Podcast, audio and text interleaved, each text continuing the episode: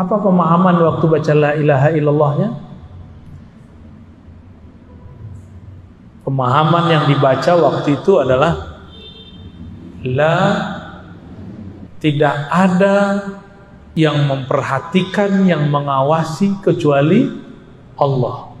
Tidak ada yang memperhatikan, tidak ada yang mengawasi kecuali Allah. Jadi dia baca la ilaha illallah, tapi beda makna dengan orang munafik. Orang-orang munafik baca la ilaha illallah, lidahnya baca, pikirannya ke mana-mana. Tapi kalau ahli kolbu ini baca la ilaha illallah, dalam hatinya dia merasa dilihat oleh Allah.